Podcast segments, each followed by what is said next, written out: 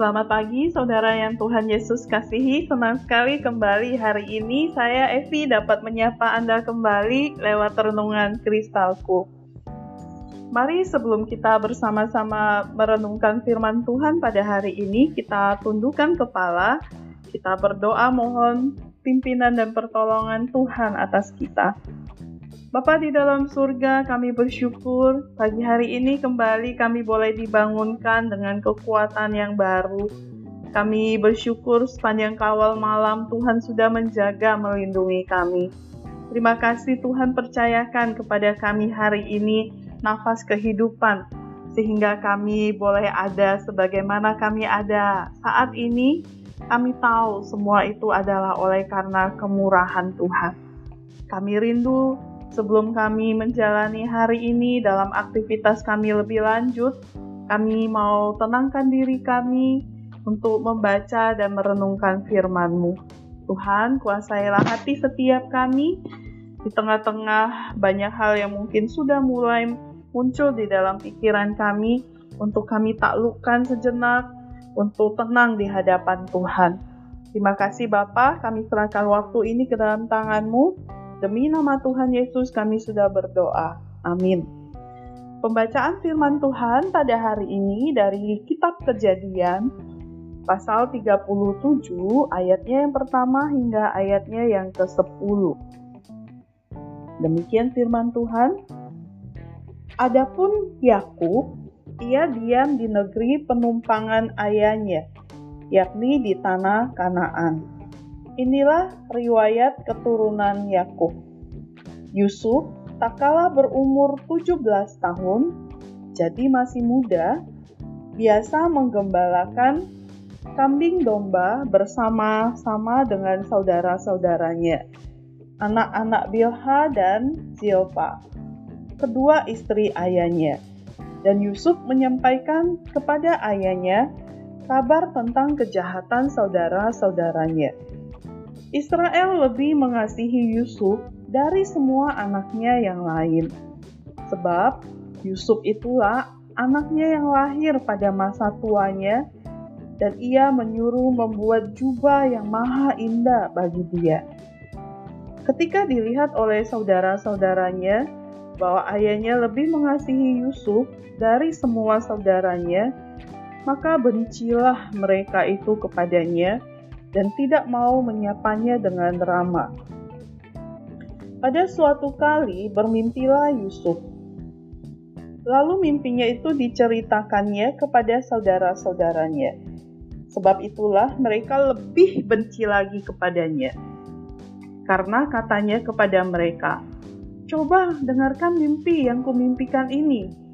Tampak kita sedang di ladang mengikat berkas-berkas gandum Lalu bangkitlah berkasku dan tegak berdiri. Kemudian datanglah berkas-berkas kamu sekalian mengelilingi dan sujud menyembah kepada berkasku itu. Lalu saudara-saudaranya berkata kepadanya, Apakah engkau ingin menjadi raja atas kami? Apakah engkau ingin berkuasa atas kami? Jadi makin bencilah mereka kepadanya karena mimpinya dan karena perkataannya itu. Lalu ia memimpikan pula mimpi yang lain yang diceritakannya kepada saudara-saudaranya. Katanya, Aku bermimpi pula, tampak matahari, bulan, dan sebelas bintang sujud menyembah kepadaku. Setelah hal ini diceritakannya kepada ayah dan saudara-saudaranya, maka ia ditegur oleh ayahnya. Mimpi apa mimpimu itu? Masakan aku dan ibumu serta saudara-saudaramu sujud menyembah kepadamu sampai ke tanah? Sampai sejauh demikian pembacaan firman Tuhan pada hari ini.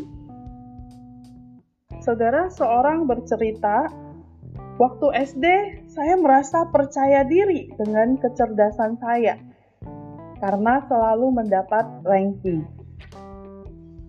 Saudara mungkin ada di antara saudara juga mungkin punya perasaan yang demikian.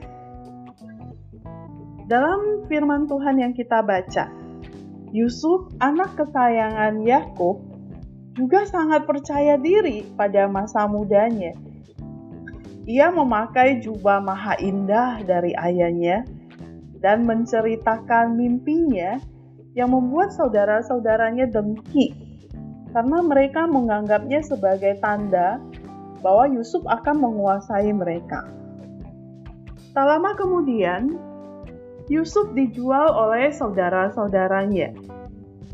Dia dibawa ke Mesir menjadi sukses, tapi akhirnya dimasukkan ke penjara. Namun dari sana ia bisa bertemu Firaun.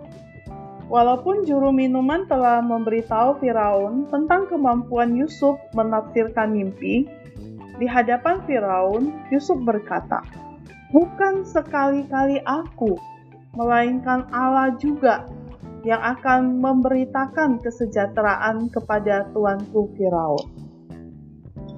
Di sini kita melihat bahwa Yusuf sungguh telah bertumbuh dalam kematangan dan hubungannya dengan Tuhan.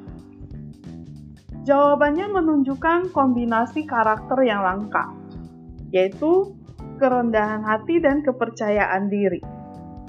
Namun, kepercayaan diri yang kali ini ia tunjukkan tidaklah sama dengan kepercayaan diri yang ia miliki saat masih muda melainkan ia percaya bahwa Tuhanlah yang bekerja melalui dia. Maka dia bisa. Jadi, kepercayaan diri yang dulu ia miliki sudah diganti dengan ketergantungannya pada Tuhan. Firaun terpukau dengan kebijakan dan keyakinan Yusuf akan Allah, mengangkat Yusuf sebagai penguasa di Mesir. Dari kisah ini, kita belajar bahwa sesungguhnya kepercayaan diri yang benar harus dibarengi dengan kerendahan hati. Kecakapan yang Allah percayakan harus diikuti dengan kesadaran bahwa semuanya adalah pemberian dari Tuhan, sehingga kita tetap bisa menjalani kehidupan yang memuliakan Tuhan dalam kerendahan hati. Saudara, ingatlah bukan karena kebaikan dan kemampuanku, itu yang harus kita selalu ingat. Jika aku bisa, itu karena anugerah Allah yang bekerja di dalam aku. Mari kita berdoa. Bapa, terima kasih hari ini firman-Mu kembali menyapa setiap kami, mengingatkan kepada kami ya Tuhan, untuk kami memiliki kepercayaan diri yang benar di hadapan Tuhan. Sebagai orang-orang yang telah Kau bentuk, Kau ciptakan dengan segala keunikan kami, orang-orang yang telah kau tebus, kami memiliki cara pandang yang berbeda tentang diri kami dan hidup kami. Tuhan, kami tahu semua yang kami punya, semua yang kami miliki saat ini itu adalah kepercayaan Tuhan. Tolong kami, Tuhan, untuk selalu rendah hati, sehingga kami boleh menjalani kehidupan kami yang memuliakan Tuhan dengan segala kemampuan yang ada pada kami. Terima kasih Tuhan, kami sadar anugerahmu lah yang bekerja di dalam kami, yang membuat kami ada sebagaimana kami ada saat ini. Terpujilah namamu ya Tuhan. Kami berdoa hari ini menyerahkan untuk setiap anak-anak muda Tuhan berkati supaya boleh memiliki kepercayaan diri yang benar, yang dibarengi dengan kerendahan hati. Sehingga sebagai anak-anak Tuhan, generasi muda ini boleh menjadi berkat dalam segala kemampuan mereka untuk boleh memuliakan Tuhan. Termasuk di dalam kemampuan belajar. Kiranya Tuhan pimpin berkati segala harapan cita-cita masa depan. Demikian juga Tuhan memberkati orang tua yang bekerja. Tuhan karuniakan hikmat marifat surgawi kesehatan, kekuatan. Juga Bapak Ibu guru yang mengajar selalu di dalam pimpinan dan topangan Tuhan. Terima kasih Bapak di dalam surga.